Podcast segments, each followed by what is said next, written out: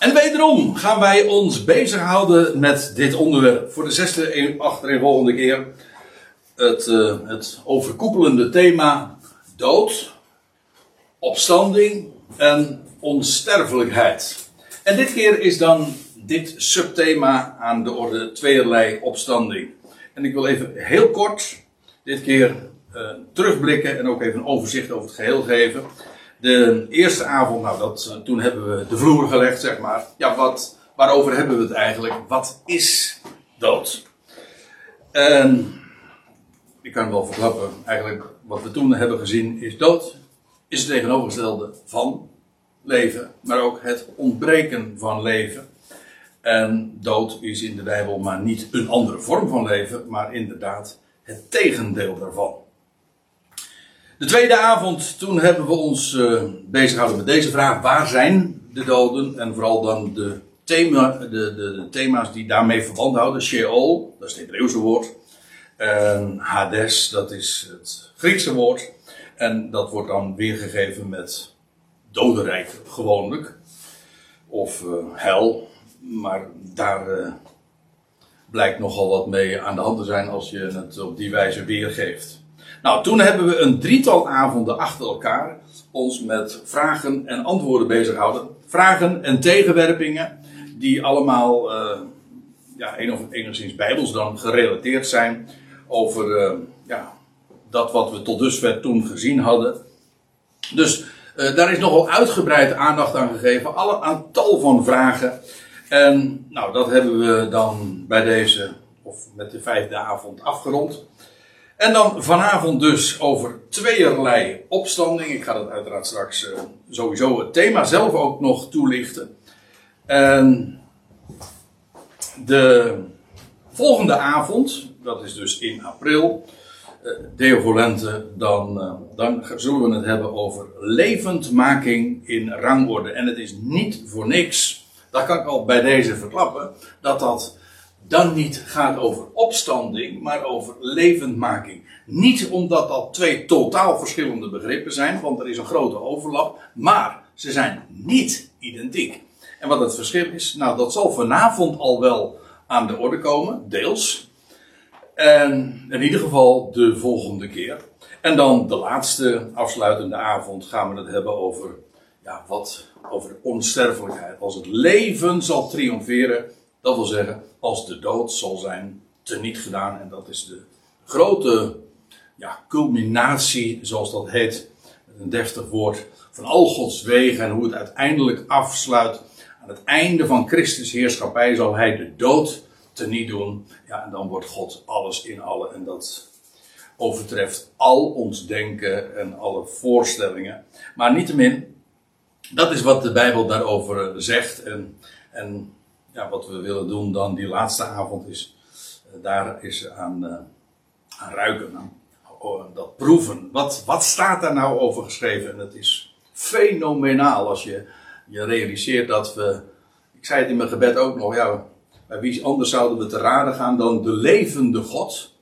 En dat hij inderdaad de dood niet gaat doen en het leven eens het, het, het, het al zal vullen en dat het hele mensdom dat leven zal kennen. Dat is ongekend. Maar wel uh, enorm groot, dat is duidelijk. Goed.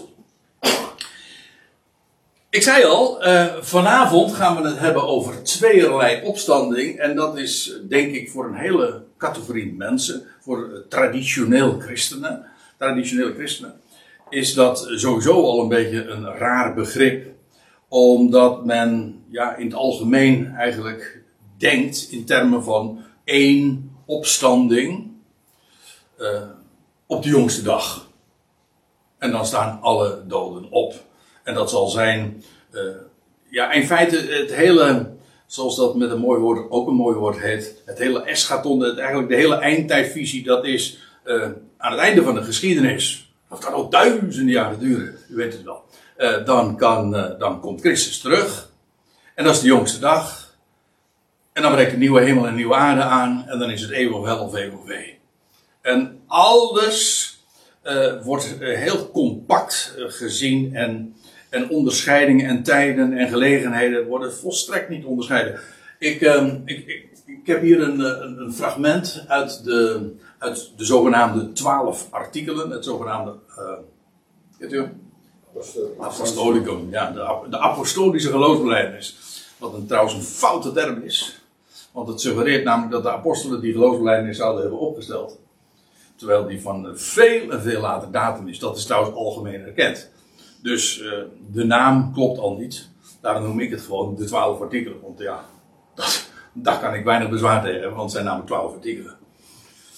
Uh, maar hij wordt uh, dikwijls voorgelezen. Uh, tenminste, ik, ik ben van huis uit dat gewend. Volgens mij werd het elke zondag door de dominee dan voorgelezen. Ik heb, hem, ik heb ooit van mijn opa, toen ik een jaar of vijf, zes was, toen kreeg ik een gulden, geloof ik, of een rijksdaalder, dat weet ik niet meer. Als ik hem uit mijn hoofd kende. En dat lukt me nog wel hoor. Ik ga, ga er nu niet mee vermoeien. en, uh, toen kreeg ik ook, en toen kreeg ik ook nog, als ik. Uh, Toen kreeg ik ook nog een beloning. Hoeveel dat was, weet ik niet. Iets in dezelfde orde zal het geweest zijn. Als ik uh, de tien geboden, dus de zogenaamde tien geboden uit mijn hoofd kende. En dat heb, daar heb ik dus ook nog geld aan verdiend. Ja, zie je. Je, kan geld. Sommigen zien de godsvrucht als grote winst. Oké. Um, u kent het. De, dat is. Uh, van ik geloof en dan, en dan staat er van hij, dat hij ten hemel gevaren is. En dan staat er aan het einde, dat is een van de laatste artikelen, van waar hij komen zal, gaat het over de Heer Jezus Christus, hè, geboren uit de Maagd Maria, gestorven en begraven, nedergedaald ter hellen, ter helle. Dat, de volgorde suggereert dat dat na zijn begrafenis is. Dan weet je meteen dat het fout is dus. Maar goed. Uh, maar dan uh, opgevaren ten hemel, van waar hij komen zal om te oordelen de levenden en de doden.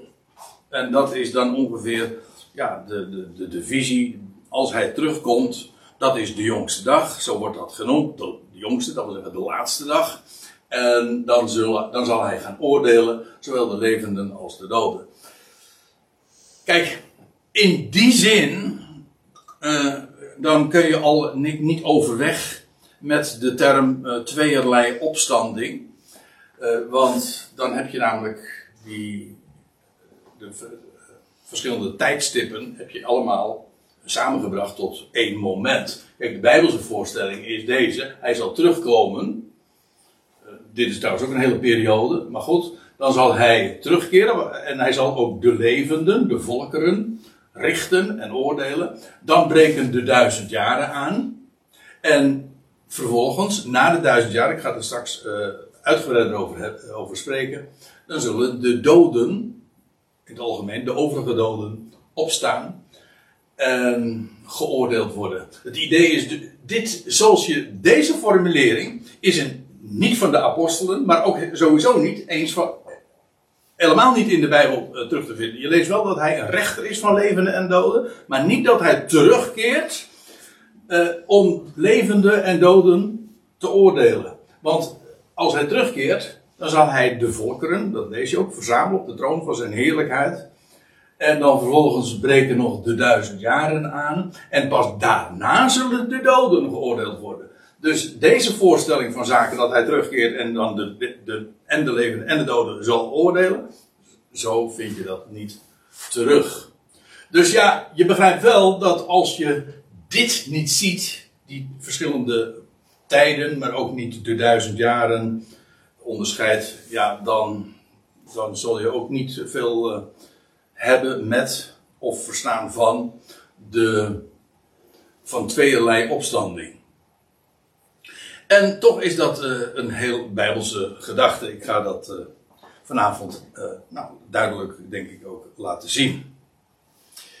In de eerste plaats, sowieso al een tweeërlei opstanding. In die zin, in verschillend van karakter.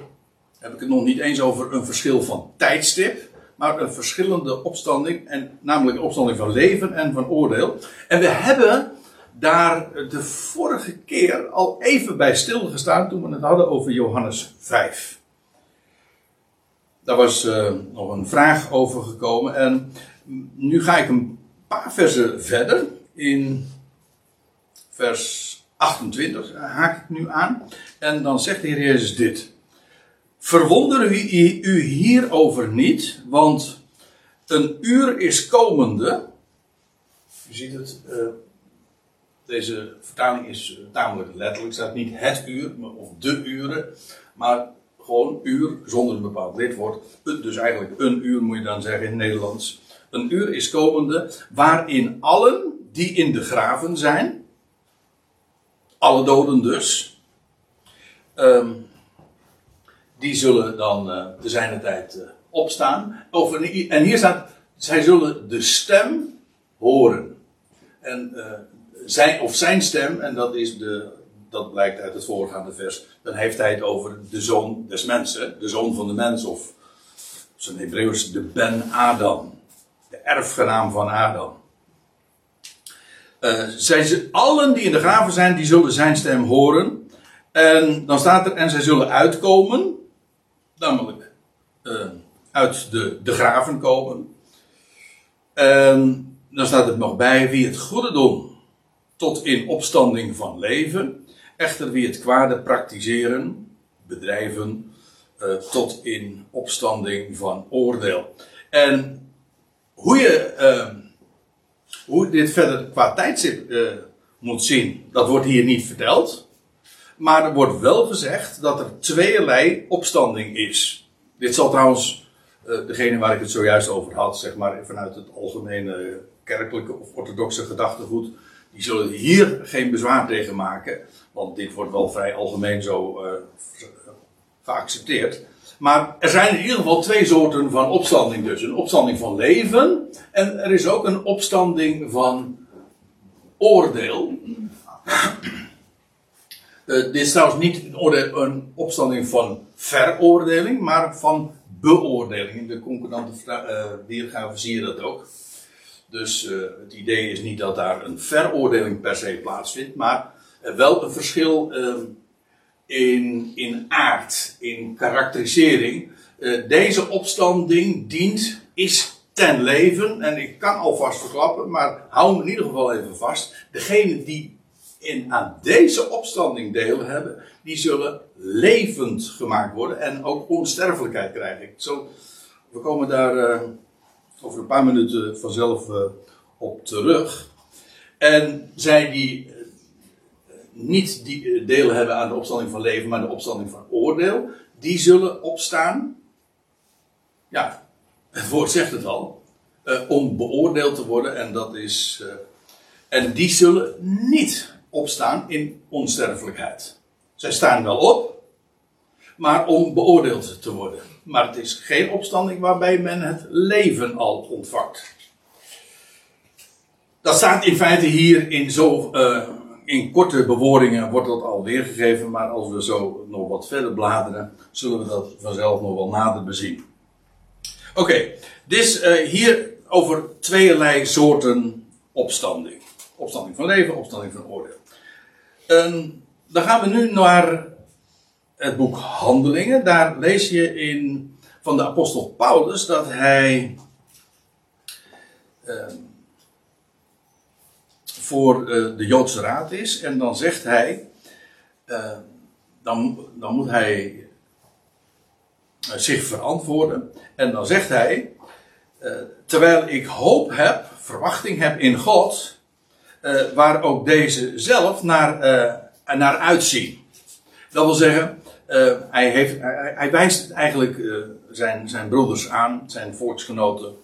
En ook die hebben, delen die verwachting. Dus wat Paulus hier zegt, dat is niet nieuw voor zijn toehoorders. Of degene aan wie hij hier refereert, aan de fariseeën. De Sadduceeën wel trouwens, want de Sadduceeën die, die ontkennen sowieso de, de, opstanding. Dat wordt trouwens ook in ditzelfde gedeelte, uh, dan zie je ook dat er twee spalten ontstaat daar in, in het Sanhedrin hierover. Uh, maar hij zegt, uh, ook deze zelf uh, zien daarnaar uit, dat er een opstanding aanstaande is. Er komt dus een opstanding. van rechtvaardigen, zowel als van onrechtvaardigen. Ook hier weer. ja, in feite als je er onderuit wil, dan kan dat. Je kan, want er wordt hier niet gesproken over een, opstand, over een verschillende soort opstanding, maar hier over verschillende groepen van opstanding. Maar we zagen al, allen die in de graven zijn, zullen bij gelegenheid opstaan. Alle mensen. Dus zowel rechtvaardigen als de onrechtvaardigen. En de rechtvaardigen zijn die het goede doen, ongeacht wat je daar precies onder moet verstaan in, in, de, in de Bijbelse gedachte, is dat vooral uh, een rechtvaardige is iemand die, die gelooft, toch? God rekent geloof tot rechtvaardigheid. Dus ja, degene die uh, hem op zijn woord neemt, dat is het goede doen, dat is rechtvaardigheid. Um, maar allen zullen opstaan.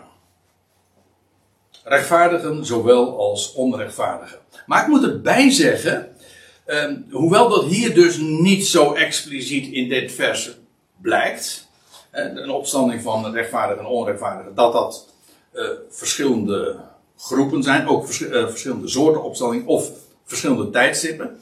Als je eventjes uh, nog weer terugbladert, dezelfde schrijver, Lucas, dan zie je in Lucas 14, dan, dit zijn woorden trouwens weer van de Jezus, en dan staat er in Lucas 14, vers 14, het zal u terugbetaald worden in de opstanding van de rechtvaardigen.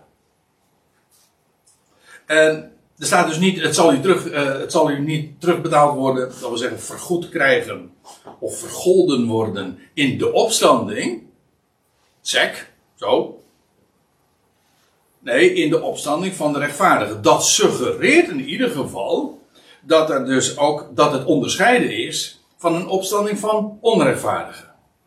Toch? Waarom zou er anders staan in de opstanding van de rechtvaardigen, als dat uh, hetzelfde is als de opstanding van de onrechtvaardigen? Oké. Dan komen we op een ander punt. En dat heeft allemaal. In eerste instantie eh, sprokkel ik wat schriftplaatsen bij elkaar. Waar inderdaad sprake is van tweeërlei opstanding. We zagen dus al opstanding van leven, opstanding van oordeel, opstanding van rechtvaardig, opstanding van onrechtvaardig. En nu komen we op nog een ander onderscheid, en dat is dat er sprake is van de opstanding uit de doden. Um, het was de vorige keer of was die keer daarvoor? Nee, de vorige keer. Dat we het gehad hebben over, de, over die geschiedenis. Dat de heer Jezus een drietal van de twaalf meenam naar die hoge berg. En dat ze daar een visioen hebben gezien van, van ja, de toekomst van de parousia. En dan lees je, uh, in, nu in Marcus staat er, en terwijl zij afdaalden van de berg, waarschuwde hij hen, die, dat drietal, dat zij aan niemand zouden vertellen wat zij waargenomen, voordat de zoon van de mens uit de doden zou opstaan. En dus het idee is, uh, jullie mogen dat bij gelegenheid wel vertellen, maar voorlopig nog niet, zolang de zoon van de mens, de Ben Adam, oftewel ikzelf, hij spreekt eigenlijk over zichzelf in de derde persoon hier. Voordat de zoon van de mens uit de doden zou opstaan. En die term, de opstanding uit de doden, is denk ik heel vaak misverstaan. En tot op de dag van vandaag. En mensen uh, lezen heel slordig. Dat is in het algemeen al een fenomeen. Uh, maar ook, dat geldt in het bijzonder ook met, met, met deze uitdrukking. Want de meeste mensen die denken als ze horen opstanding uit de doden, dat dat uh, zoiets is als opstanding uit de dood. Terwijl het iets totaal anders is. want in feite is opstanding altijd in de Bijbel opstanding uit de dood. Nou ja, daar kan je, daar kan je wat op afdingen, want je staat ook op uit de slaap. Hè? In die zin hebben we allemaal al uh, menigmaal ervaring gehad met opstanding.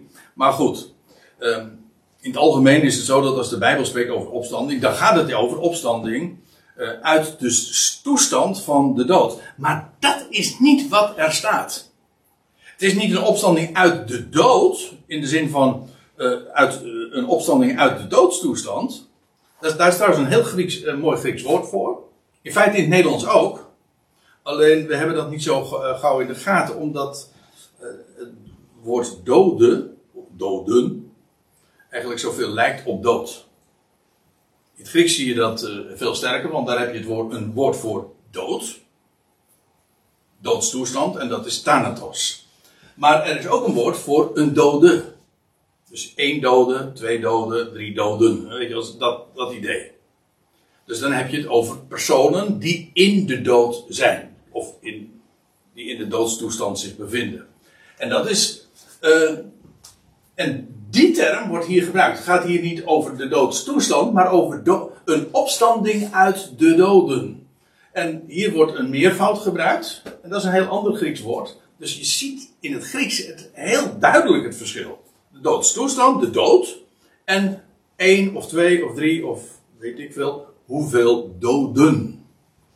En als je dat realiseert, dat verschil tussen dood en doden, dan begrijp je ook dat uh, als, hij, als hier sprake is over de opstanding uit de doden, dan betekent dat een opstaan van tussen de doden uit. Dus er zijn uh, een heleboel doden. En iemand die uit de doden opstaat, die staat op met, terwijl de anderen doden blijven liggen. Dan sta je op, dus uit de doden. En, en dat moet je dus onderscheiden van de opstanding van doden.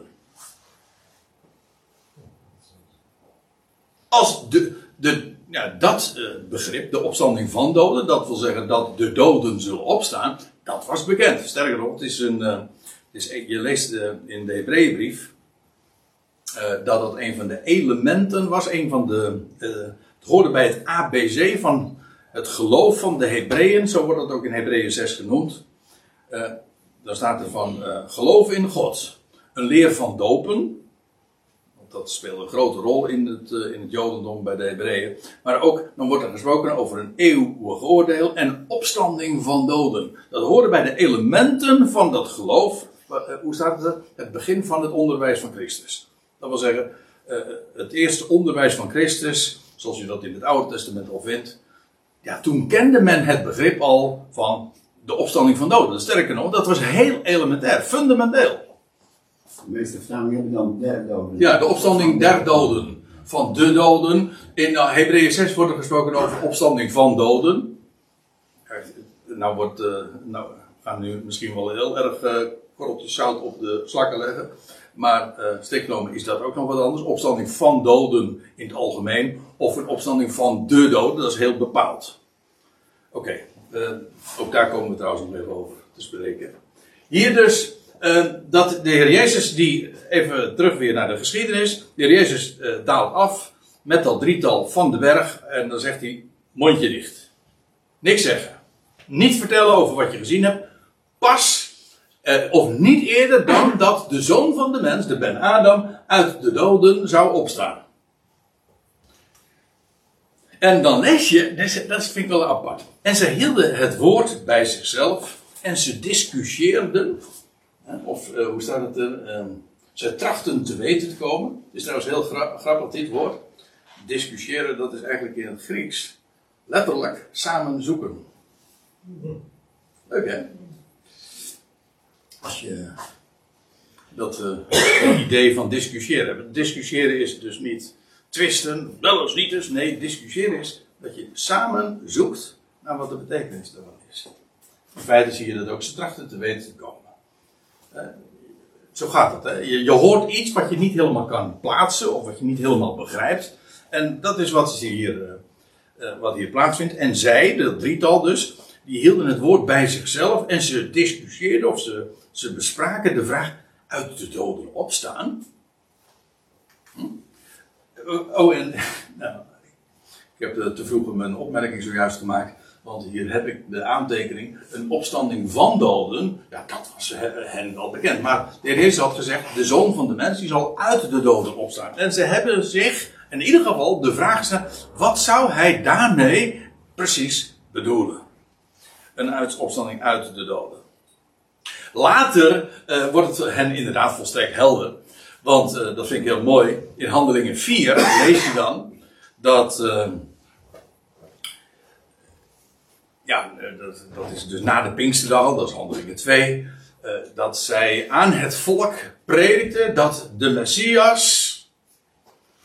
eh, daar is, dat wil zeggen, hij, eh, Jezus Christus, Jezus die jullie zojuist, of een paar maanden eerder, hebben gedood. God heeft hem uit de doden opgewekt, waarvan wij allen getuigen zijn. Dat is wat ze voortdurend en telkens weer in, die, eh, in het boek Handelingen getu- getuigen. Letterlijk, in de juridische zin van het woord, ze getuigen, want ze zijn namelijk ooggetuigen. Daarvan een velen en, en unaniem ook. Ze zijn daar eh, volstrekt één in. Is geen dissonant. Allemaal konden ze het bevestigen.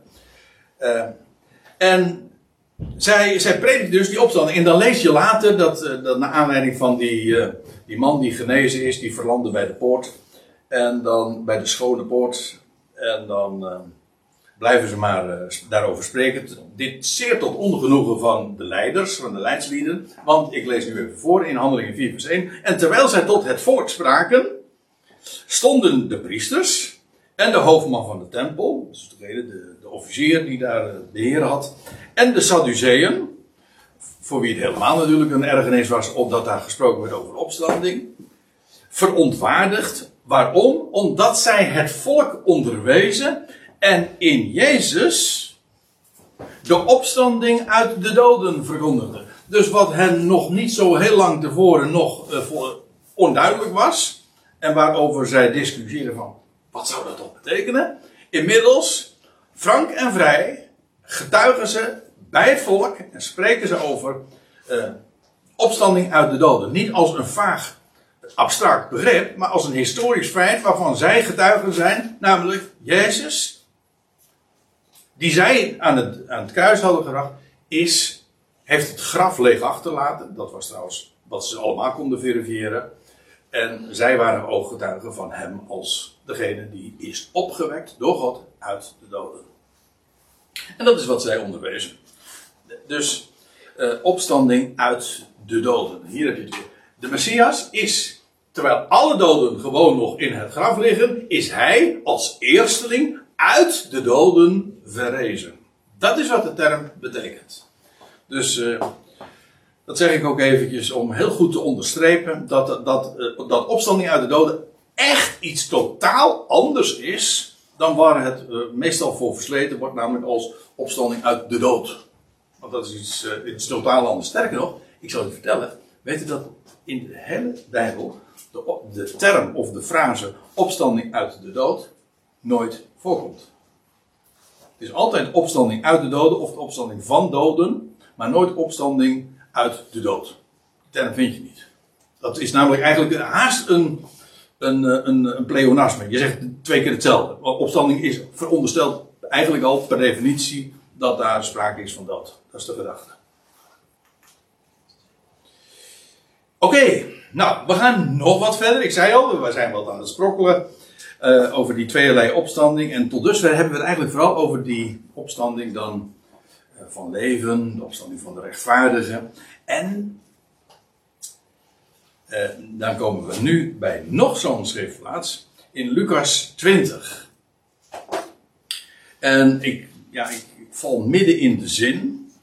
En, maar dan wordt er gesproken ook over eh, de, de verwachting. eh, in dit geval ook van de, van de discipelen. Zij spreken over eh, ja, wat, hen, wat hun toebedeeld zou worden. En wat hun verwachting was eh, voor de toekomende aion. hè. Ze hadden in deze aion, in deze eeuw, eh, vrouwen, kinderen, eh, en, en, en, en goederen enzovoorts allemaal achter zich gelaten. Of in ieder geval, ze hadden het opgegeven voor hem, om hem te volgen. En dan staat er, ehm, ik lees nu dus vanaf vers 35. Maar hen die waardig gekeurd worden om aan die aion deel te krijgen. Lees wat er staat. Dat betekent dus, niet iedereen is waardig gekeurd om aan die aion deel te krijgen. Het, en die aion is dus de toekomende aion. Dat blijkt ook wel, want er wordt eerst. Dat is, trouwens ook een hele bekende, wat ik nu zeg, is een bekende, eh, tot op de dag van vandaag, Joodse onderscheiding, dat men altijd spreekt over eh, deze eeuw en de toekomende eeuw. Olam Hazeh, deze eeuw, en Olam Haba'a, eh, dat wil zeggen de Olam, de aion, die gaat komen. En dat is de aion van de Messias. Als de Messias zou komen, de Joden weten dat. En, uh, en hier wordt daar ook aan gerefereerd. En uh, niet ieder is waardig gekeurd om aan die aion deel te nemen. Het is, is een beetje, het is akelig, maar weet je, als je, het is voor u natuurlijk geen geheim dat ik rondbezuin dat, dat de levende God de redder is van alle mensen. En dat wordt heel gemakkelijk misverstaan. Ze van, oh, dat betekent, dat, dat betekent iedereen het eeuwige leven krijgt. Nee, dat betekent het niet. Of dat iedereen deel zal hebben aan de toekomende eeuw. Nee, dat betekent het niet. Alles op Gods tijd en in rangorde. Maar ja, als, kijk, als je de onderscheidingen die de schrift kent. en de, de tijden niet onderscheidt. Uh, ja, dan, dan, dan bak je van uh, het verstaan van de schrift never, nooit wat. Kan het niet. Je moet, uh, als je niet ziet dat daar nog ionen te komen te, te, gaan zijn, dan zul je nooit zicht gaan krijgen ook op dat, dat plan van God.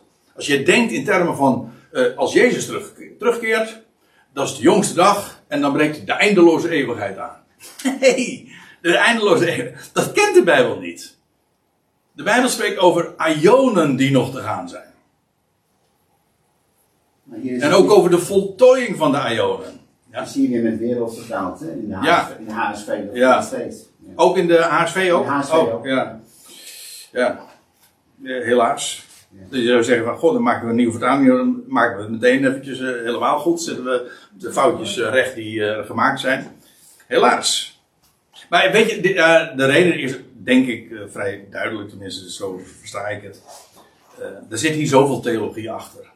Dit, dit, heeft, dit heeft in feite geen vertaalkwestie. Dit is, ja, als, als je gewoon helemaal uitgaat van het concept van straks, Jezus keert terug en dan is het eeuwig wel, eeuwig wee en, in eindeloze eeuwigheid. Ja, dan, dan ken je geen ionen, geen wereldtijdperken. Dat er nog hele periodes, uh, nog verschillende fasen zullen aanbreken. Als je dat niet ziet, ja, nou ja, dan, uh, dan, zul, je, dan zul je ook niet verstaan uh, dat wat de schrift over die dingen zegt. Maar goed, als het gaat over die aion waarin de Messias zal heersen, ik kan, straks zullen we ook zien dat dat te maken heeft met de duizend jaren die nog gaan komen. Um, daaraan zullen zeker niet al een deel hebben. Nee. En dat is een, inderdaad een selecte, niet een groot, maar een selecte groep die daaraan deel heeft. En, ja, en, en aan de opstanding uit de dood. Want u begrijpt dat als die aion gaat aanbreken. En hoe kan dat, hoe kun je daar deel aan krijgen als je in, in, in, in de voorgaande generaties leefden.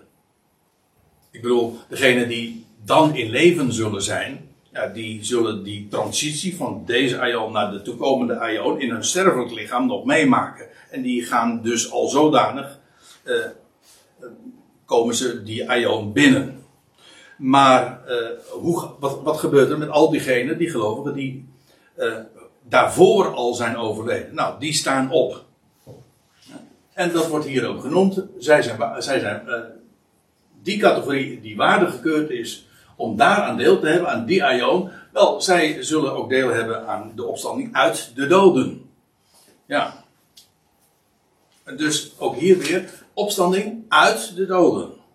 Dus we hebben zojuist uh, gehad over de opstanding van, uit de doden van de Heer Jezus. Als de eersteling, dat is verleden tijd. Maar hier gaat het over degene die uh, bij het aanbreken van de toekomende aion, bij de duizend jaren, die zullen opstaan. Alle doden? Nee, alleen zij die waardig gekeurd zijn. En de doden in het algemeen blijven achter. En een groep daaruit, een selectie, zal daaruit opstaan. En dat is wat hier staat. Zij zullen deel hebben aan die aion. En uh, ook deel hebben aan de opstanding uit de doden. Alleen de term zelf al geeft volstrekt helder aan dat het om een selectie gaat. Want de doden worden blijven achter in het graf en zij staan daaruit op. Van hen wordt gezegd, zij huwen niet en worden niet gehuwd. En ook kunnen zij niet sterven.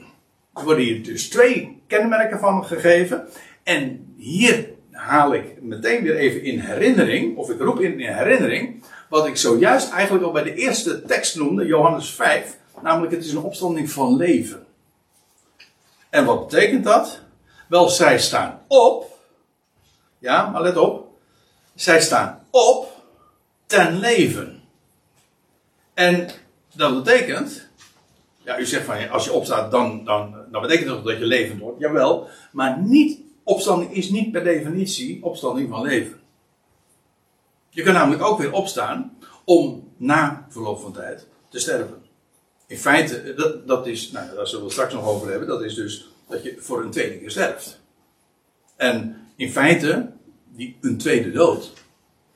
Eh, er zijn veel mensen, al, al, allen die in het, die, waarvan we lezen in de Bijbel, zoveel zijn dat dan ook weer niet, maar die opgestaan zijn. Denk aan het dochtertje van Jairus, denk aan Lazarus, denk aan eh, de jongeling van Nain. Zij zijn door Jezus opgewekt, zij stonden op, maar ze zijn na verloop van tijd wel degelijk weer, op, weer opnieuw gestorven. En zij stierven dus feitelijk een tweede keer. Dus zij stonden op, maar het was geen opstanding van leven. Dat wil zeggen, ze werden niet onsterfelijk. Maar deze opstanding, daarvan zegt de Heer Jezus, die uh, aanbreekt, uh, die opstanding die voorafgaat aan de toekomende aion, zij die deel hebben aan die opstanding, aan de opstanding uit de doden, deze opstanding, dat is een opstanding van leven, staat hier ook, zij kunnen niet sterven. En in feite is dat dus ook een vervolg op, uh, op wat inmiddels de eersteling ook is overkomen. Namelijk dat hij opstond en hij heeft de dood echt achter zich gelaten en hij leeft altoos. Dat wil zeggen, in onvergankelijkheid. Dan hebben we toch al een beetje over onsterfelijkheid en echt de dood achter zich laten. En in dat opstandingslichaam speelt ook het huwelijk uh, geen rol meer. Zij huwen niet. Dat is uh, voor sommige mensen een. Uh, ja, nou ja, hoe moet ik dat zeggen? Dat er geen huwelijk zal zijn. Ze, ze huwen niet en ze worden niet gehuwd. Het is trouwens wat dit is trouwens ook nog uh, deels een antwoord op de vraag die hier aan vooraf gegaan is. Namelijk, uh, eigenlijk min of meer een strikvraag die de heer Jezus was uh, voorgelegd. Maar hij zegt van, ja, in, in het opstandingslichaam, namelijk de opstanding van leven, speelt het huwelijk geen rol meer. Ik zeg niet dat er geen mannelijk en vrouwelijk meer is, maar seksualiteit, of in ieder geval het huwelijk, speelt geen rol meer. Eigenlijk is, dat is een onderwerp apart, maar ja, seksualiteit is feitelijk een, uh, is een uitdrukking van de verwachting van nieuw leven. En dat wil zeggen, uit de vergankelijkheid, juist omdat het vergankelijk is, uh, moet er voortgeplant worden. En, maar als daar eenmaal de onvergankelijkheid daar is, dan heeft de seksualiteit zijn betekenis inmiddels gehad. En is verleden tijd, is, het is gerealiseerd. Het nieuwe leven is er dan. Maar in ieder geval, hoe dan ook, uh, zij huwen niet, ze worden niet gehuwd en ze kunnen niet sterven. Dus er worden hier twee kenmerken gegeven. Of ze zijn onsterfelijk en er is geen huwelijk meer. Er staat ook bij, want ze zijn de engelen gelijk daarin dan. Want ook engelen sterven niet. Uh, ik, zou, uh, ja, ik verwijs hier naar Hebreeën 2, maar ik realiseer me dat ik, uh, als ik dat doe, dat doe ik dus wel, maar ik ga het niet uh, toelichten, want dan komt daar, er, er zit nog een vertaalkwestie aan, aan, vast. Maar je leest daar dat de dood grijpt geen engelen aan. Maar, maar het nageslacht, het zaad van Abraham, dat wel. Het idee is, engelen sterven niet. Vandaar ook dat de Heer Jezus, trouwens ook Hebreeën 2, daar staat er van, hij is een korte tijd beneden de engelen gestraald vanwege het lijden van de dood. En aangezien engelen niet sterven, is dus, toen hij, is het lijden van de dood, werd hij beneden de engelen gesteld.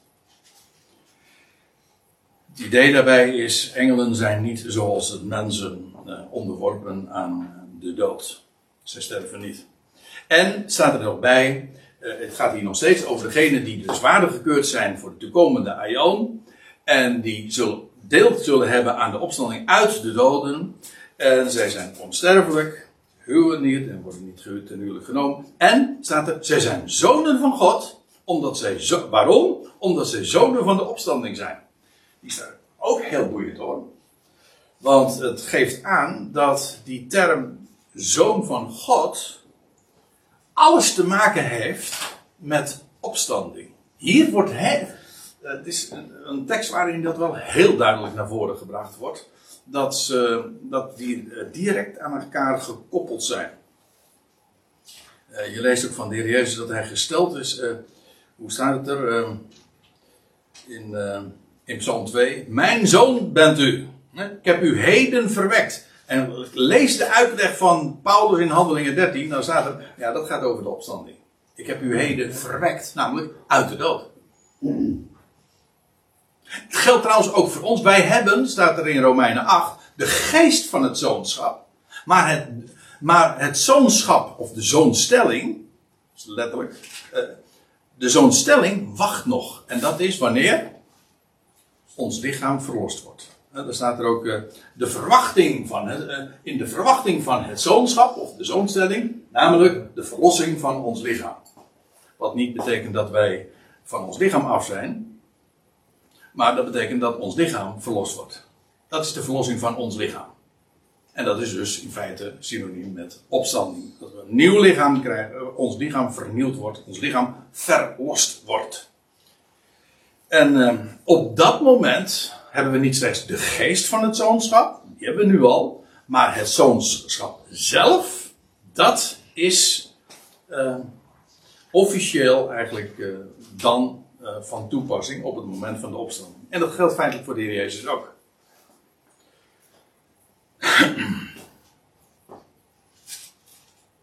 Wat hier dus staat, in, in Lucas 20. En, en als je al die gegevens nu bij elkaar even samenbrengt, wat we tot dusver hebben gezien, is dat er sprake is, voorafgaand aan de toekomende Aion, zal er een opstanding zijn van leven.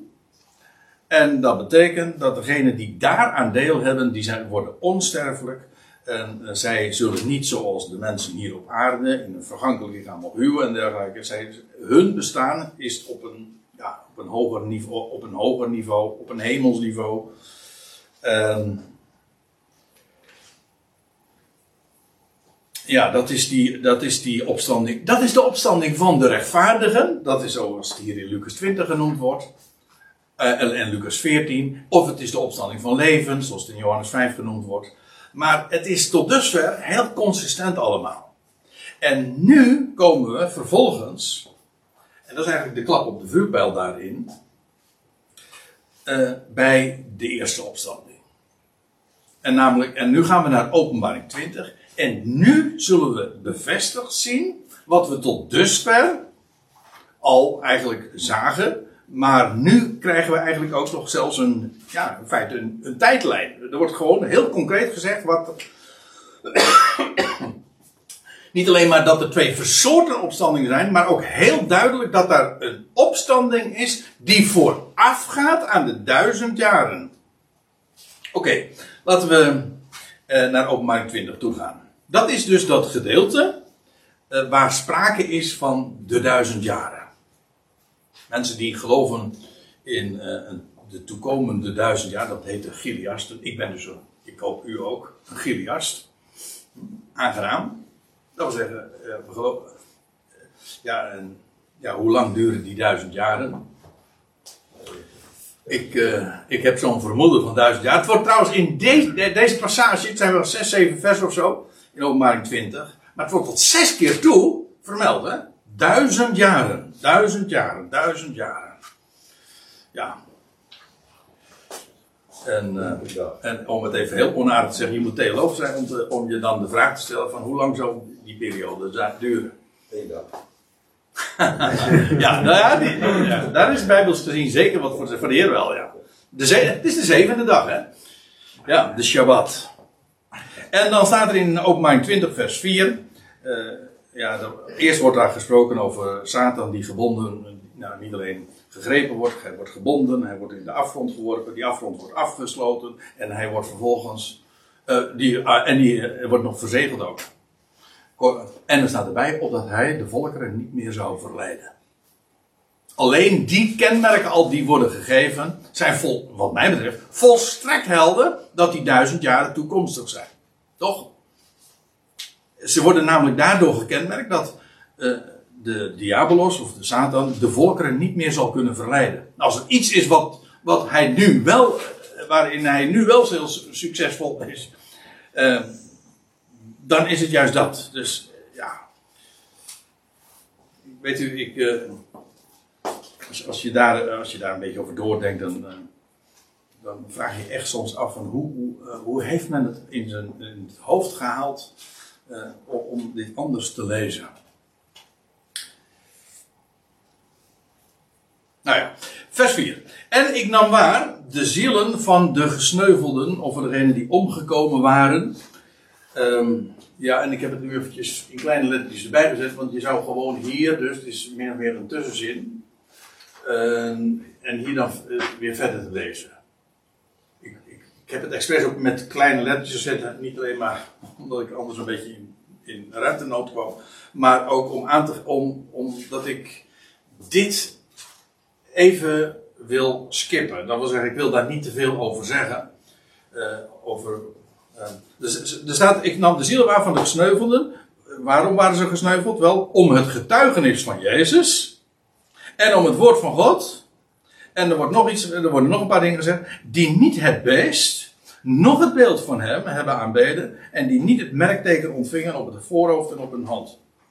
Trouwens, alleen deze specificatie geeft al volstrekt helder aan, als het mij vraagt, dat dit, om, eh, dat dit dus toekomstig is. Want dat beest, dat is er nog helemaal niet. Of nou ja, eh, in ieder geval, heeft zich al zodanig nog niet gemanifesteerd. Laten we daar zo. En dat beeld in ieder geval is ook nog toekomstig. En dat merkteken ook. Nou ja, openbaring 13, dat is een heel aantal hoofdstukken hieraan voorafgaand, eh, wordt daarover gesproken. Maar zij die dat weigeren, ja, er zullen een hele grote categorie daarvan omkomen of omgebracht worden. Sorry. En eh, om die reden zullen zij dus. Zij weigeren dat, dat merkteken op hun voorhoofd, op hun hand, rechterhand. En nou ja, zij komen dus eh, te sterven. En, maar dan, dan wordt er gezegd, bij de aanvang van de duizend jaren zullen zij weer worden levend gemaakt. Zij werden levend. En dan staat erbij, ze heersten als koningen met Christus duizend jaren. Dit is toekomstig nog. Dat beest en dat beeld en dat merkteken, et cetera. Het om die reden sneuvel is uiteraard ook. Dus dit gaat over mensen. Eh, dit is, ja, gaat sowieso over eh, een, een, toekomstig eh, ding. Want ja, dit is ook nog nadat de, de, de gemeente, de Ecclesia, is weggerukt van deze aarde. En dan ontstaat er weer een nieuw getuigenis in het land en daarbuiten. Hoe dan ook. Eh, hier is sprake van zielen die gesneuveld zijn, maar die worden levend gemaakt. Ze staan op en ze heersten. Ze krijgen dus een hele eh, ja, prominente plaats in dat koning. Ze heerst als koning met Christus duizend jaren. Ehm, ja, dus dit, dit, is, dit gaat dus heel uitdrukkelijk vooraf aan de duizend jaren. En dan staat er nog bij. En nou, nou eh, voor de pauzes eh, kunnen we in die zin al eh, die eerste categorie van opstanding al behoorlijk goed eh, benoemen en traceren en, en plaatsen. Want er staat dan vervolgens bij, in openbaring 20 vers 5, de, vers 5, de overige van de doden, die leven niet. Of die worden niet, eh, die worden niet levend. Zo, zo, eh, hoe staat het precies in de NBG? Die werden niet wederlevend. Staat in het Grieks wat compacter. Uh, de overigen van de doden leven niet. Uh, nou ja, eigenlijk moet ik hier geen punt zetten. Maar de overigen van de doden leven niet. Totdat de duizend jaren voleindigd zijn. Dit, dat wil zeggen de opstanding die, waar het zojuist over ging. Over degenen die wel dus levend werden. Dit is de eerste opstanding. Ja, dus. Uh, ja, we hebben het uh, ook al een keer gehad. Want uh, ik heb het nu over deze, deze categorie, over degenen die sneuvelen. Maar eigenlijk in die tijd van de, de beestenheerschappij, van die, in de eindtijd, dan nog toekomstig. En zij zullen opstaan. Maar wat dacht u nou van bijvoorbeeld iemand als Daniel? Ook, zij, ook hij zal opstaan. En de, de rechtvaardigen. Zij zullen opstaan. Uh, in ieder geval voor de duizend jaren. Of dat precies op hetzelfde tijdstip is als, uh, als deze. Uh, deze genoemd, deze gesneuvelden, zeg maar. nou, dan moeten we in de pauze dan maar even de boom over opzetten. Ik wil dat nu even parkeren. Maar het gaat in ieder geval, laten we niet al te veel in de details. Het is denk ik al heel duidelijk ik vind het al heel mooi als we in ieder geval inzien dat er dus sprake is voor de duizend jaren. Is er sprake van een opstanding uit de doden. En dat heet de eerste opstanding. Weet je, ik, die eerste opstanding, dat betekent niet dat is de, eerste, allereerste keer dat er sprake is van opstanding, maar dat is natuurlijk niet het geval. Sowieso, de Heer Jezus is al 2000 jaar eerder opgestaan. Nee, de eerste opstanding is ook in feite een soort opstanding. Namelijk, het is een opstanding uit de doden. Allen die opstaan uit de doden, feitelijk is de wegrukking ook een opstanding uit de doden. Het is allemaal eerste opstanding. Ik noem het voor mijn part de, de Heer Jezus Christus als eersteling. Dat is 1a. De, bij de wegrukking is 1b. Uh, eh, dit is 1c of voor mij part 1d. Maar in ieder geval, het heet, het, is, het heet allemaal eerste opstanding. Waarom? Omdat het een opstanding is voor de duizend jaren, sowieso. Maar ook omdat het een opstanding is uit de doden. Dat wil zeggen, de, de overige doden blijven in het graf. Hoe lang? Wel, voor, totdat de duizend jaren zijn voleindigd. Want na de duizend jaren krijg je een opstanding van de doden. Of der doden, inderdaad. Namelijk van de overige doden. Van de resterende groep dus. Dus alle zullen opstaan. Rechtvaardigen en onrechtvaardigen.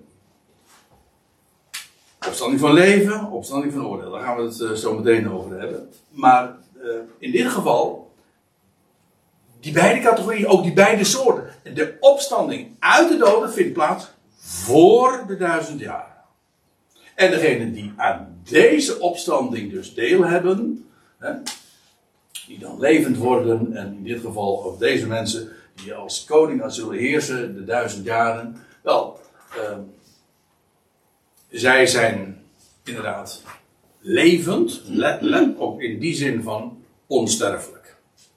En uh, hen valt dit voorrechte deel en zij zullen een hele prominente plaats en positie innemen in de tijd van dat Christus zal heersen. Dat is de toekomende aion. Overigens, de duizend jaren, oh, oh, na de duizend jaren blijft Christus ook regeren. In die zin, de term het duizendjarige rijk klopt in die zin ook niet. Ook die vind je niet in de Bijbel, weet je dat? Het is niet duizendjarig rijk. Het is de duizendjarige binding van Satan. Satan wordt duizendjarig gebonden. Daarna wordt die korte tijd losgelaten. En dat is wat in feite gemeten wordt. En in die duizend jaren zal Christus heersen, jawel, maar, dat is het, maar daartoe is het niet beperkt. Dus uh, de duizend jaren die worden inderdaad, dat, die beginnen bij de binding van Satan en ze eindigen bij de loslating van Satan. Zie je trouwens ook hoe uh, belangrijk het is, daar wil ik het mee uh, afsluiten, in ieder geval nu voor de pauze hoe belangrijk het is om, om gewoon zo dicht mogelijk als mogelijk bij de woorden van de schrift te blijven. Soms denk je wel eens een keertje van, is dat nou zo belangrijk? Ja, Zelfs als je niet eens ziet wat het belang ervan is, dan doe het dan toch maar. Want dat zal je in de toekomst. eh, Er zal een, een moment komen dat je blijkt van: hé, hey, wacht even. Eh, ik dacht dat het hetzelfde was. En, en het blijkt toch iets anders te zijn. En als je nou gewoon al op voorhand altijd zo eh, zuiver mogelijk taal gebruikt, gezonde woorden gebruikt, eh, de termen van de schrift zelf, er staat geschreven, dan, dan kun je in je voorstelling er wel eens een keer naast zitten, zo wat. En dat je samen gaat zoeken, discussiëren van wat zou het nou betekenen. Jawel, maar als je nou in je spraakgebruik, in je woorden, eh, de schrift naspreekt, dan zit je in ieder geval in dat opzicht op, de, op het goede spoor. Dan zit je op de goede lijn. En, en, en je voor, in je denken, ach, dat wordt vanzelf wel hervormd voor, eh, als, de dingen als de Heer je gewoon door zijn woord de dingen laat zien. Nou, dus eh, dit hebben we nu eh, bij deze vastgesteld. En, en dan gaan we het straks, na de pauze, dus hebben over de opstanding van de doden. De overige doden dus. En dat is nog weer een millennium later. Maar de pauze gaat iets korter duren. Eh, zullen wij weer eh, verder gaan? Ik zei, eh, we gaan de pauze niet al te lang maken. Maar het is niet helemaal gelukt, nee. Want ik zie dat het nou inmiddels al half tien is bijna. Maar we hadden zulke boeiende gesprekken. Over de actualiteit en zo. En over de, de dingen waar we het zojuist voor de pauze ook hadden. Maar goed, wij gaan eh, alsnog dan toch eh, verder. En, nou, voor de pauze hebben we ons dus bezig gehouden met, eh, met de opstanding van leven. Of de opstanding uit de doden, de opstanding van de rechtvaardigen. En dat blijkt dus een opstanding voor de duizend jaren te zijn, in ieder geval. Dat betekent, de overige doden, die leven niet totdat de duizend jaren voleindigd zijn. En, nou ja, terugblikkend op wat daaraan vooraf gaat, dat heet de eerste opstanding. En dat betekent dus. ehm, oh, wacht even, dat eh, heb ik nog niet eens. Die had ik er nog even bij moeten nemen. Gelukkig en heilig is hij, staat er dan nog bij. Degene die deel heeft in de eerste opstanding. Dat is die opstanding over de, eh, uit de doden. En over hen heeft de tweede dood geen autoriteit. Maar die hadden we zelf ook al kunnen invullen. In die zin dat we al hebben gezien, het is een opstanding van leven. En dat betekent dus, zij die dan opstaan, bij die gelegenheid, zullen niet opnieuw sterven. Zij zijn onsterfelijk. En eh, zij sterven dus niet een tweede keer en dus geen tweede dood. Ik neem die term de tweede dood, kom er straks nog even op terug, eh, heel letterlijk. Ik geloof dat de tweede dood dus letterlijk een tweede dood is. Dat wil zeggen, eh, een mens sterft, dat is dus de eerste dood. Ja, als er een tweede dood is, is er ook een eerste dood. En als een mens voor een tweede keer sterft, dan heet dat de tweede dood. Oké.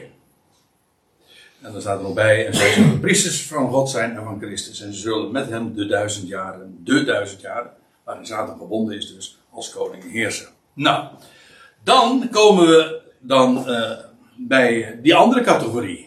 Want we hebben het over tweeërlei opstanding, maar we hebben nu vooral ja, vastgesteld dat er tweeërlei opstanding is. En vooral ook over die opstanding van leven, of de eerste opstanding, of de opstanding uit de doden. En nu moeten we het dus nog hebben over de opstanding van de doden.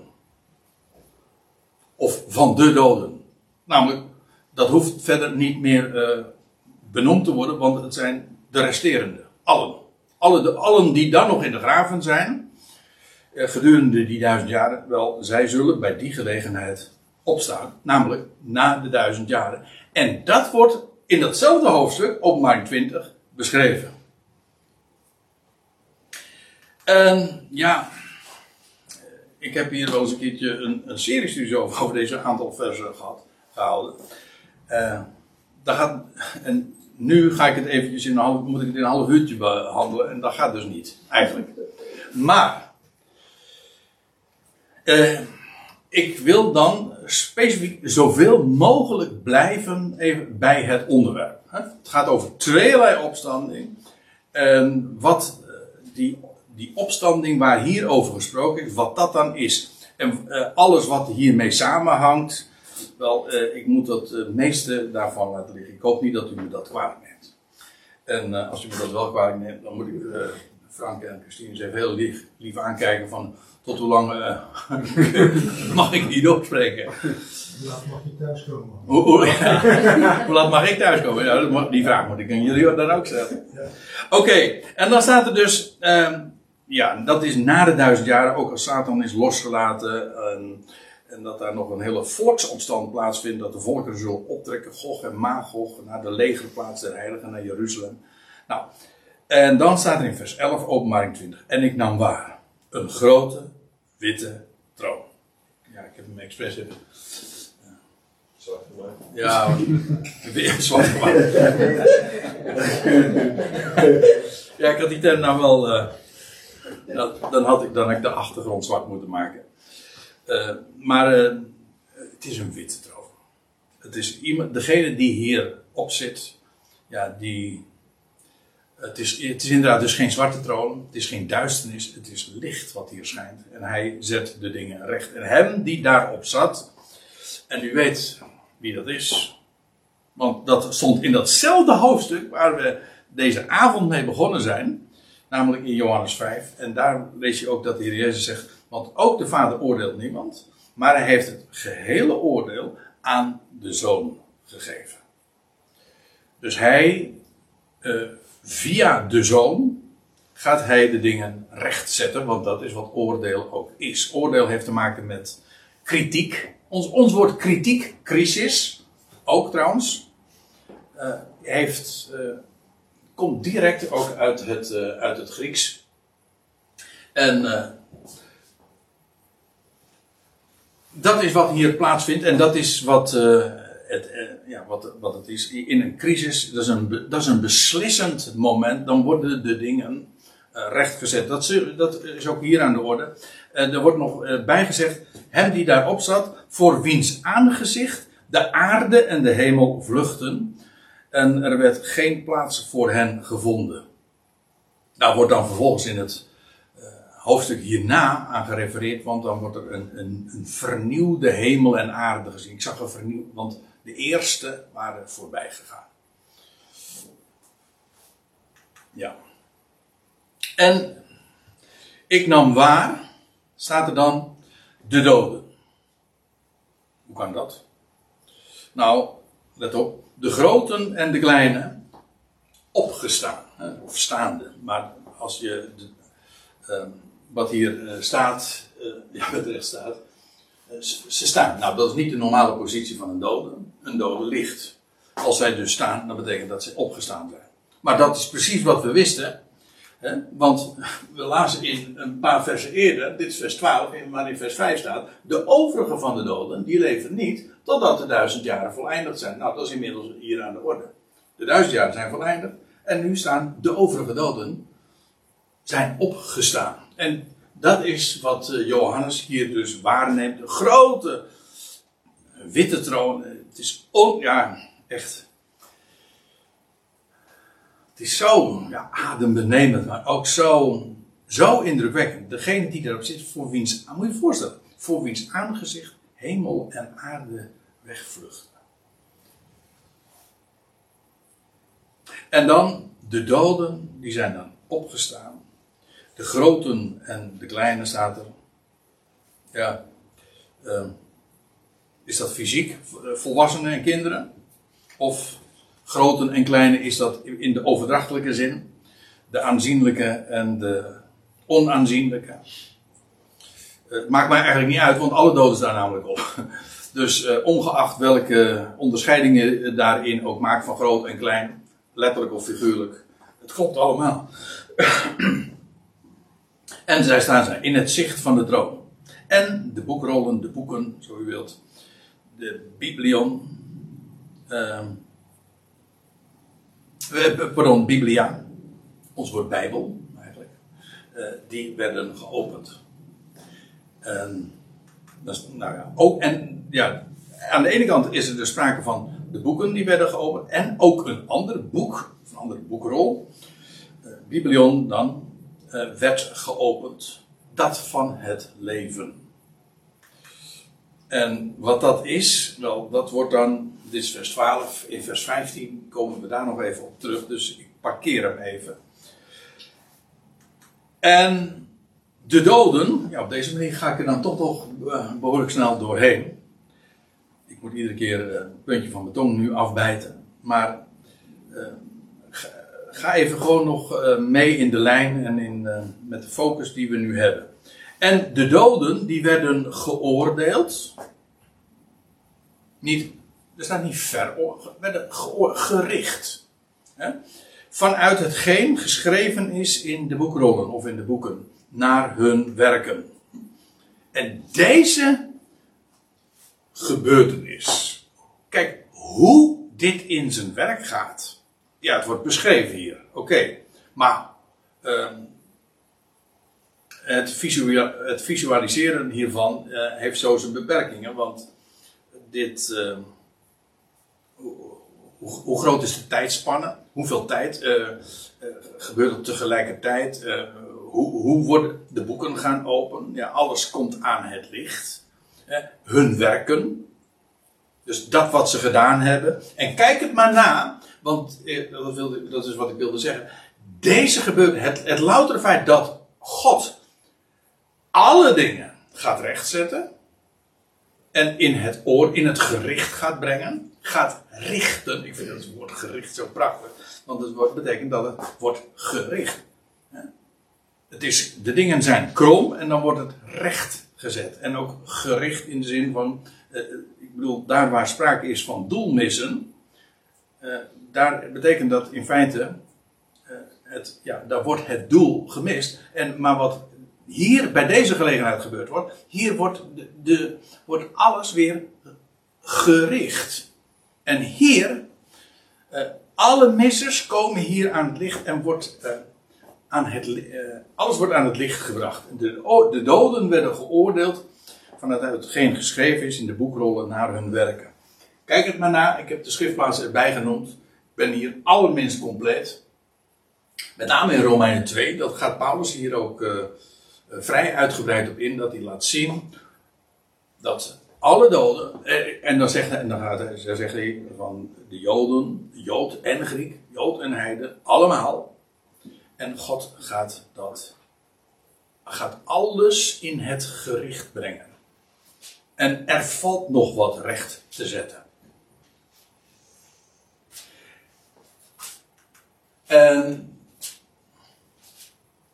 ehm, je leest in Prediker 12, want God zal elke daad doen komen in het gericht over al het verborgene, het zij goed, het zij kwaad.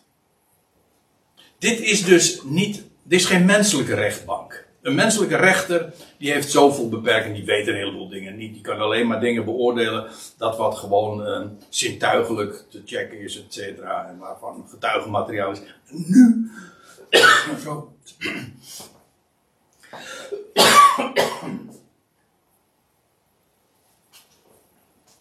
Maar hier is de schepper van hemel en aarde, de God zelf, die door zijn zoon de dingen alle, allemaal aan het licht brengt. Hè?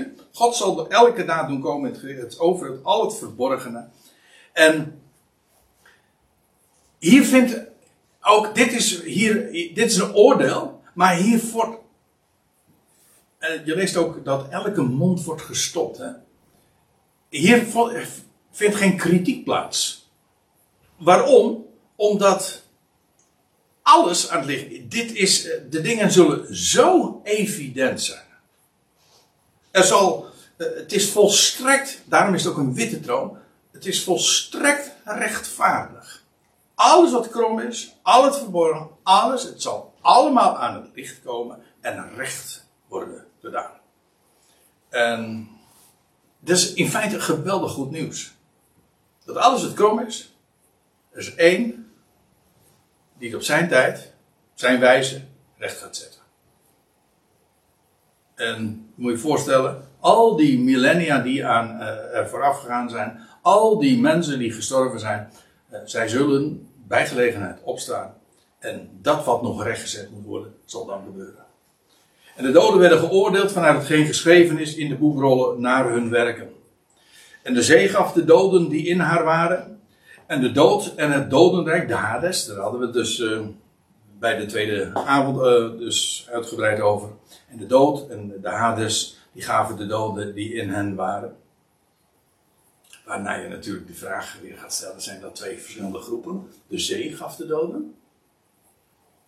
Zijn dat, de, zijn dat alle mensen die zeg maar in de oceaan of in de zee zijn omgekomen? Of is hier sprake van een aparte groep? Van de, en de zee gaf de doden die in hen waren, en de doden en het dodenrijk gaven de doden in, die in hen waren. Betekent dit en uh, een, een aparte categorie? Of is, is, heeft en hier de betekenis van uh, namelijk of uh, specifieker gezegd dat? Uh, ja, want ja, ik, ik, ik, stip even de vraag aan, gewoon om u, um, om, om, ja, om, te om, om in ieder geval de, de vraag inderdaad te stellen. Want bij, was de voorgaande avond, of die keer daarvoor dat we een vraag hadden over, dat we het nogal gehad hebben over, over, de, over de dagen van Noach en over de, de, de, de zonen gods die, die omgekomen, die, die ingingen bij de dochter des mensen en die in de afgrond terechtgekomen zijn. De afgrond, dat is in de Bijbel dikwijls synoniem voor de zee. En die daar bewaard worden en dat die inderdaad ook hier bij deze gelegenheid zullen worden gericht. Er zijn goede redenen voor om dat aan te nemen. Maar goed, ik stip het even aan. Ik leg de vraag voor. Denk daar eens over na. En de dood en het dodenrijk gaven de doden die in hen waren. Gewoon alle resterende dus. Ook hier hoeft dus niks meer gespecificeerd te worden, want de overige doden die worden hier dus uh, opgewekt of uh, die staan op. En staat er, zij werden geoordeeld. En ieder naar zijn werken. Ja. Nou, dit is uh, waar ik zojuist al even op doe. Zij werden geoordeeld, de dingen worden gericht, in, in de crisis gebracht. Want reken maar ook. je leest niet hier over een straf of zo. Ze worden geoordeeld. De dingen worden. En geoordeeld betekent beoordeeld. Het, het komt aan het licht.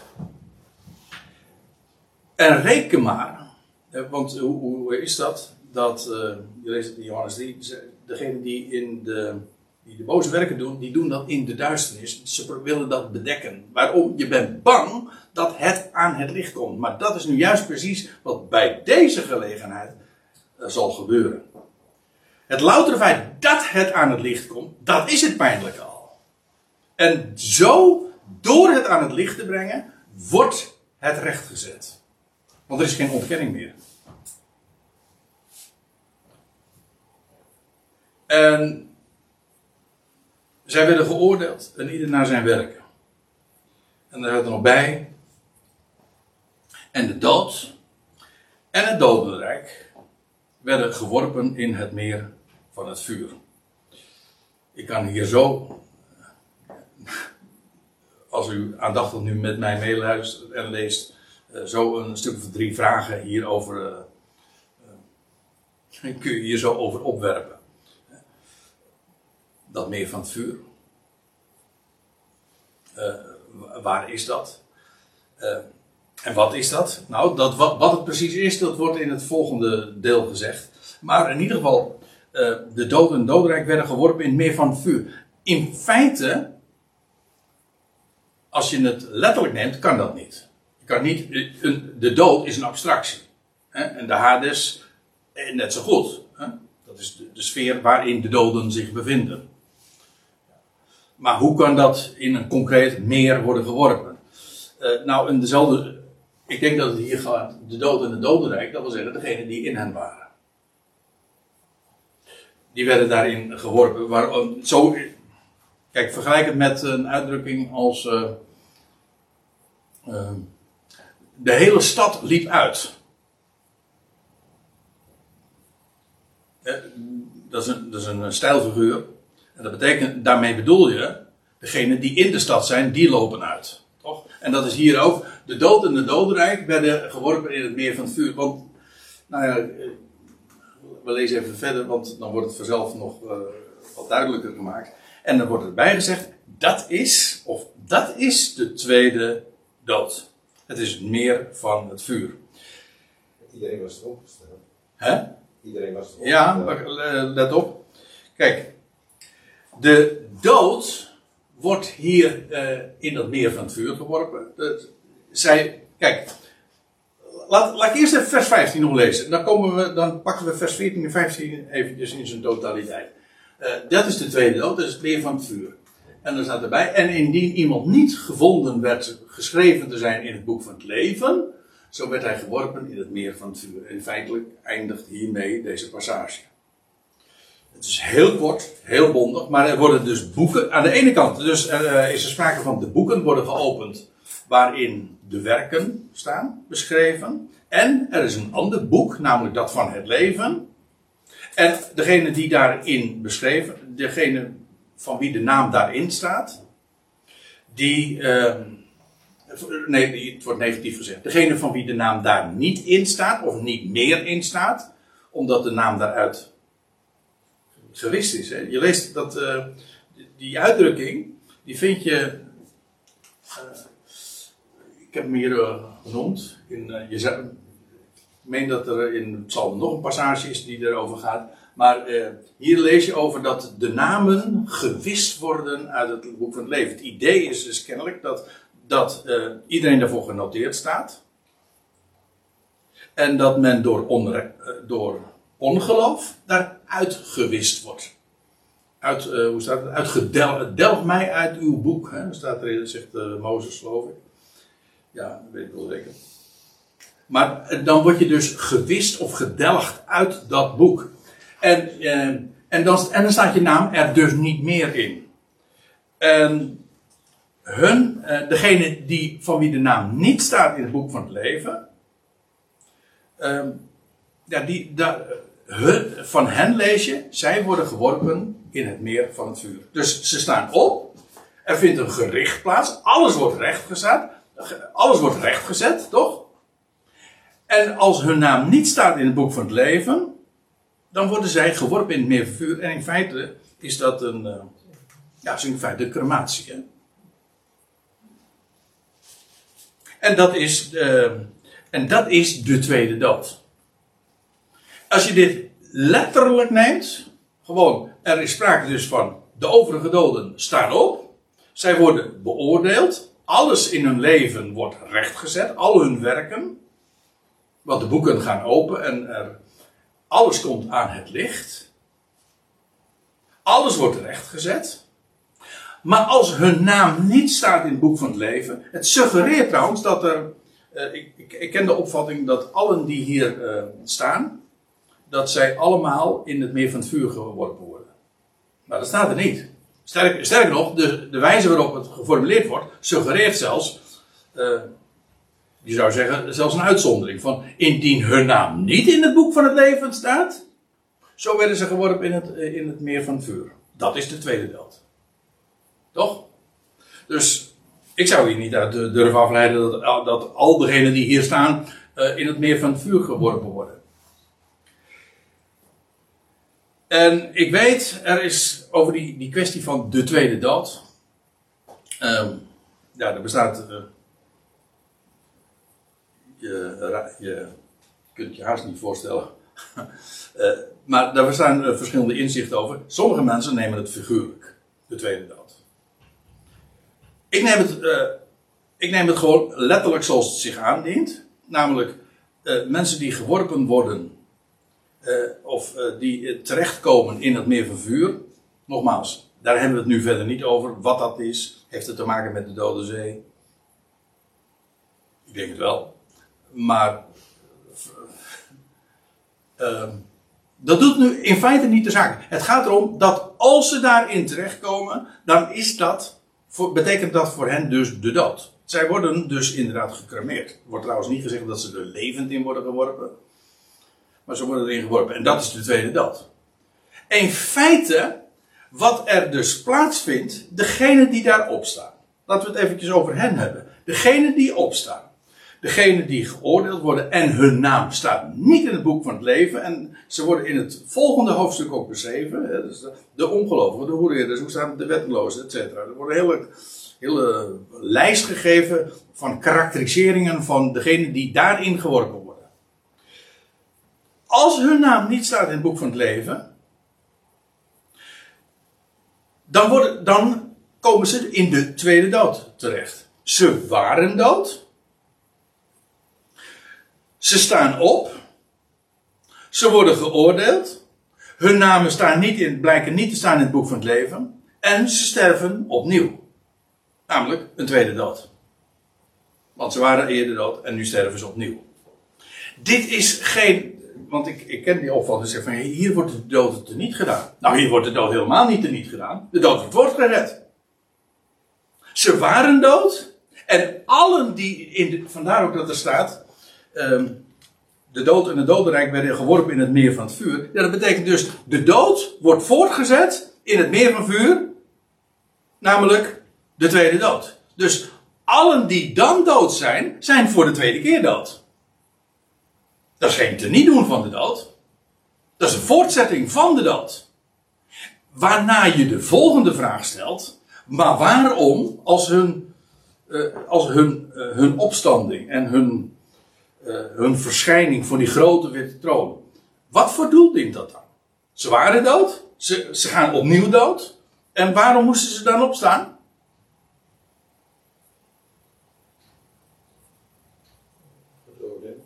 Hè? Ja, om geoordeeld te worden, dat staat er. Maar wa- waarom? Ja, dat begrijp je alleen als je inziet dat God nog een geweldig plan met ze heeft. Namelijk, er moest nog het een en ander rechtgezet worden. Ik, dat is een eufemisme. Er moest nog veel rechtgezet worden. En dat is wat hier gebeurt. In feite, die opstanding bij de grote witte troon voor deze categorie mensen die weer opnieuw sterft. Voor hen is in feite die opstanding niks anders dan een kort intermezzo van de. Ze waren dood, ze zullen weer opnieuw dood zijn. Let wel, de heerschappij van Christus. We gaan de volgende keer daar uitgebreid eh, over door, eh, over verder spreken. Omdat Paulus in 1 Corinthië 15 daar geweldige dingen over vertelt. Maar de heerschappij van Christus wordt voortgezet. In de aion die daarop zal volgen. Van de nieuwe hemel en de nieuwe aarde. Maar daar zullen zij dus geen deel aan hebben. Zij hebben geen deel aan de heerschappij van Christus. Ook niet in die aion die daarop gaat volgen. Daar is dus ook dan nog steeds de dood. Namelijk de tweede dood. Want allen die dan in de dood zijn, die zijn voor de tweede keer dood. En.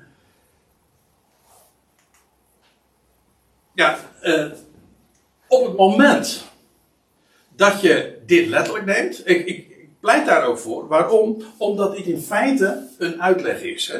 Als ze zeggen van. ehm, die, ehm, hoe staat het er? Eh, dat meervuur, dat is de tweede dood. Ja, dan, dan moet je dat dus. Dan is dat de uitleg van die term. De- als er bijvoorbeeld staat van. ehm, de zeven kandelaren, dat zijn de zeven gemeenten. Ja, het ene is dus. Eh, het ene wordt, eh, wordt verklaard. Hè, de vrouw die gij zaagt, dat is de grote stad Babylon.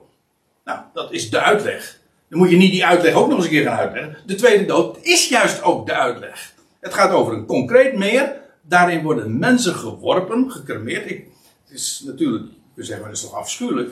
Ja, als dit het einde verhaal was, zeker. Maar zij, zullen, zij, zij zullen geen deel hebben aan de tijd die daarop gaat volgen aan, het, he- aan, het, aan, het, aan de heerschappij van Christus. Zij zijn dood. Letterlijk. Waarom? Nou, wel, ze zijn gecremeerd, ze worden geworpen in dat meer van vuur. Er is, wat mij betreft, geen enkele reden om, dat, om de letterlijkheid daarvan, om daar afbreuk van te doen.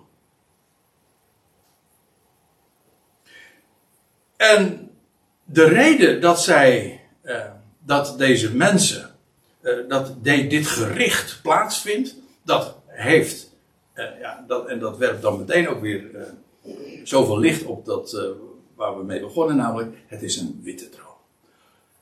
God gaat alles door zijn zoon rechtzetten.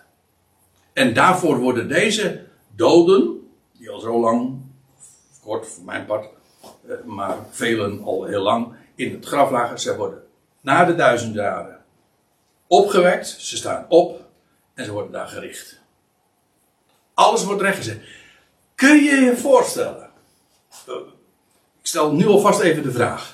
We gaan daar zeker over, eh, over door, de, keer, eh, de volgende keer. Maar kun je je voorstellen dat als de dood teniet gedaan wordt, oftewel, degenen die dan dood zijn, die worden levend gemaakt, wat er dan gebeurt?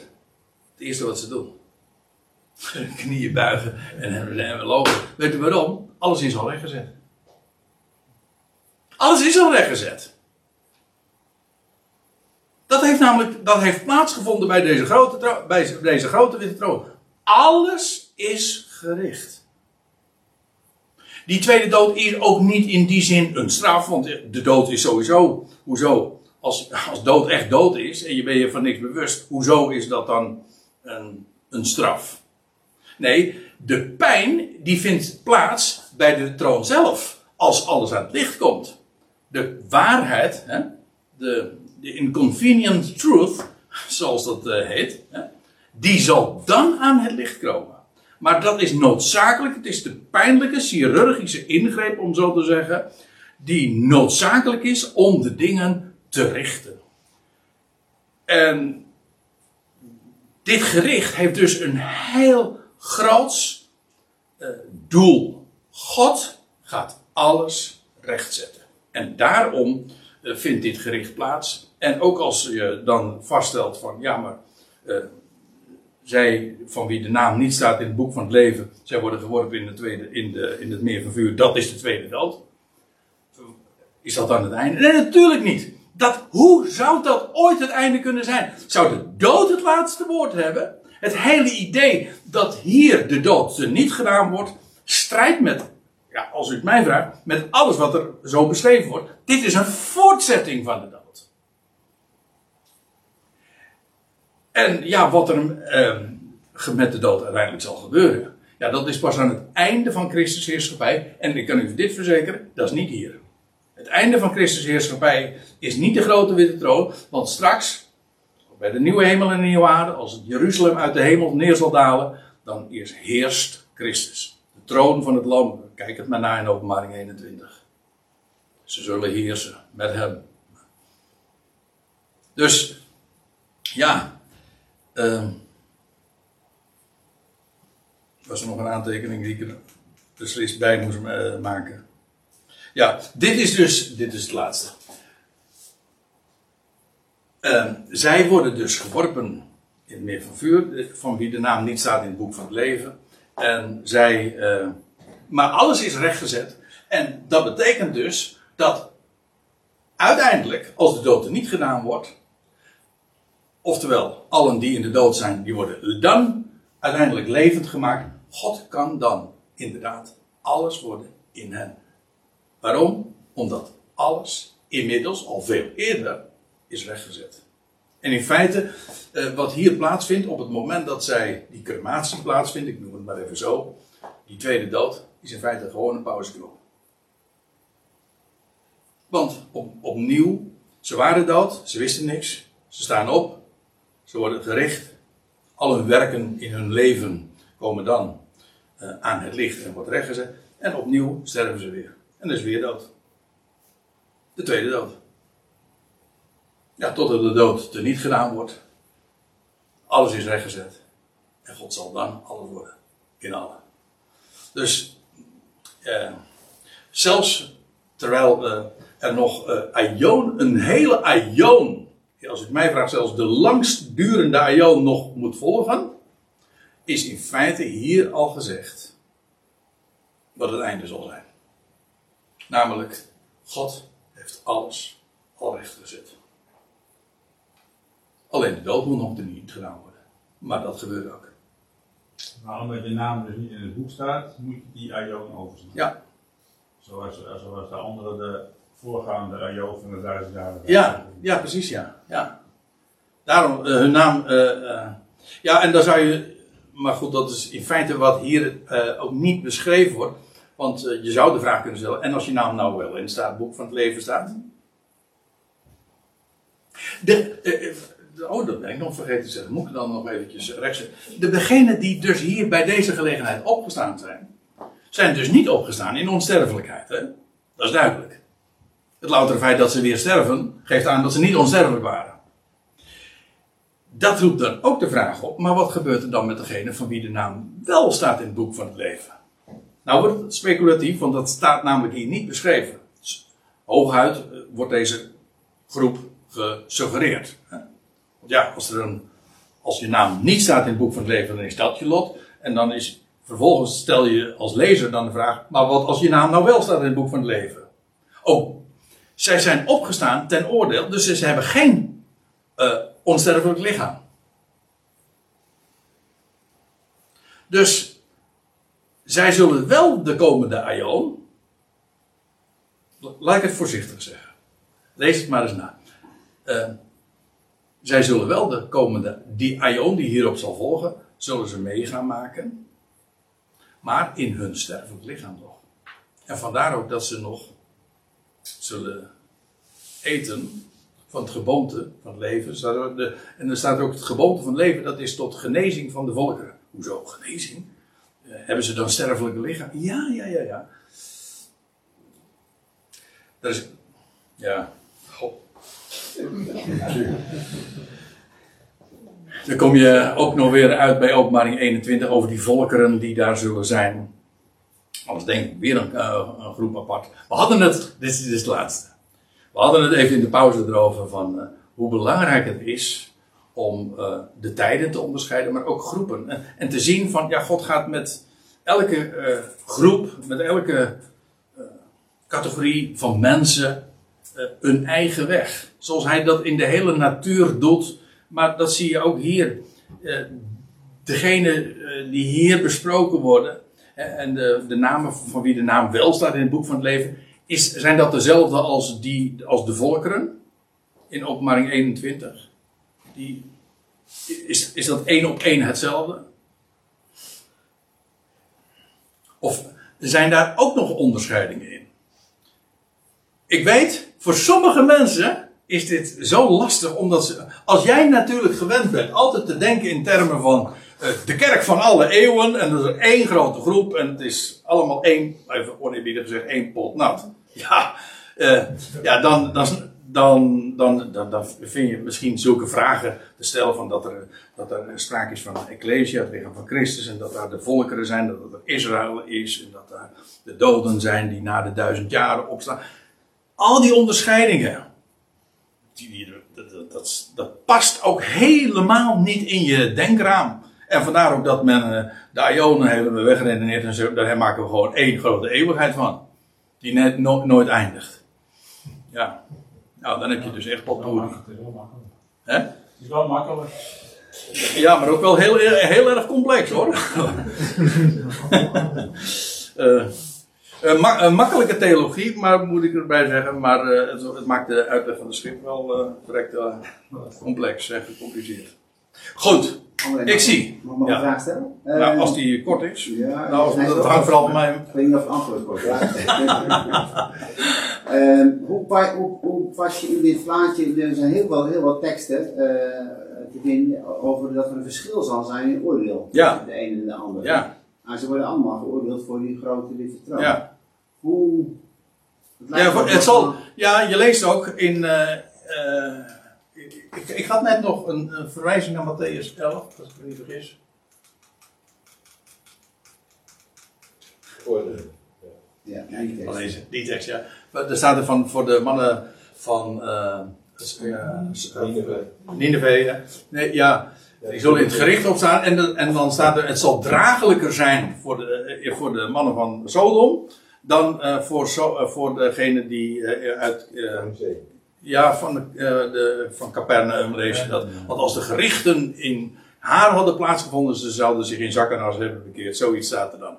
En het, het gaat even om die term van, het zal draaglijker zijn in het orde. Je kunt je voorstellen, dat als de grote en de kleine daar allemaal staan, en alles wordt recht gedaan. Het grote onrecht, het kleine onrecht. Alles. Dan is daar dus, en alles komt aan het licht, dan zal het voor de een veel draaglijker zijn, of voor de ander juist veel pijnlijker zijn, om, om dat, om die crisis, hè, dat gericht, mee te maken. Dus ja, ik, ik moet zeggen, ik vind het juist heel erg logisch dat dat gericht, eh, voor, dat daar heel veel onderscheidingen zijn. Dat hangt namelijk alles af van de werken. Eh, Mensen worden geoordeeld en ieder naar zijn werk. Maar aangezien die werken allemaal zo verschillend zijn en gradaties zijn, is het ook voor de een veel draaglijker die dag te beleven dan voor de ander. Dus ja, zo versta ik dat. Goed, nou, ik zie dat het vijf over tien is. En eh, ik denk dat we er verstandig gaan doen om dit eh, eh, voor vanavond maar eh, af te ronden.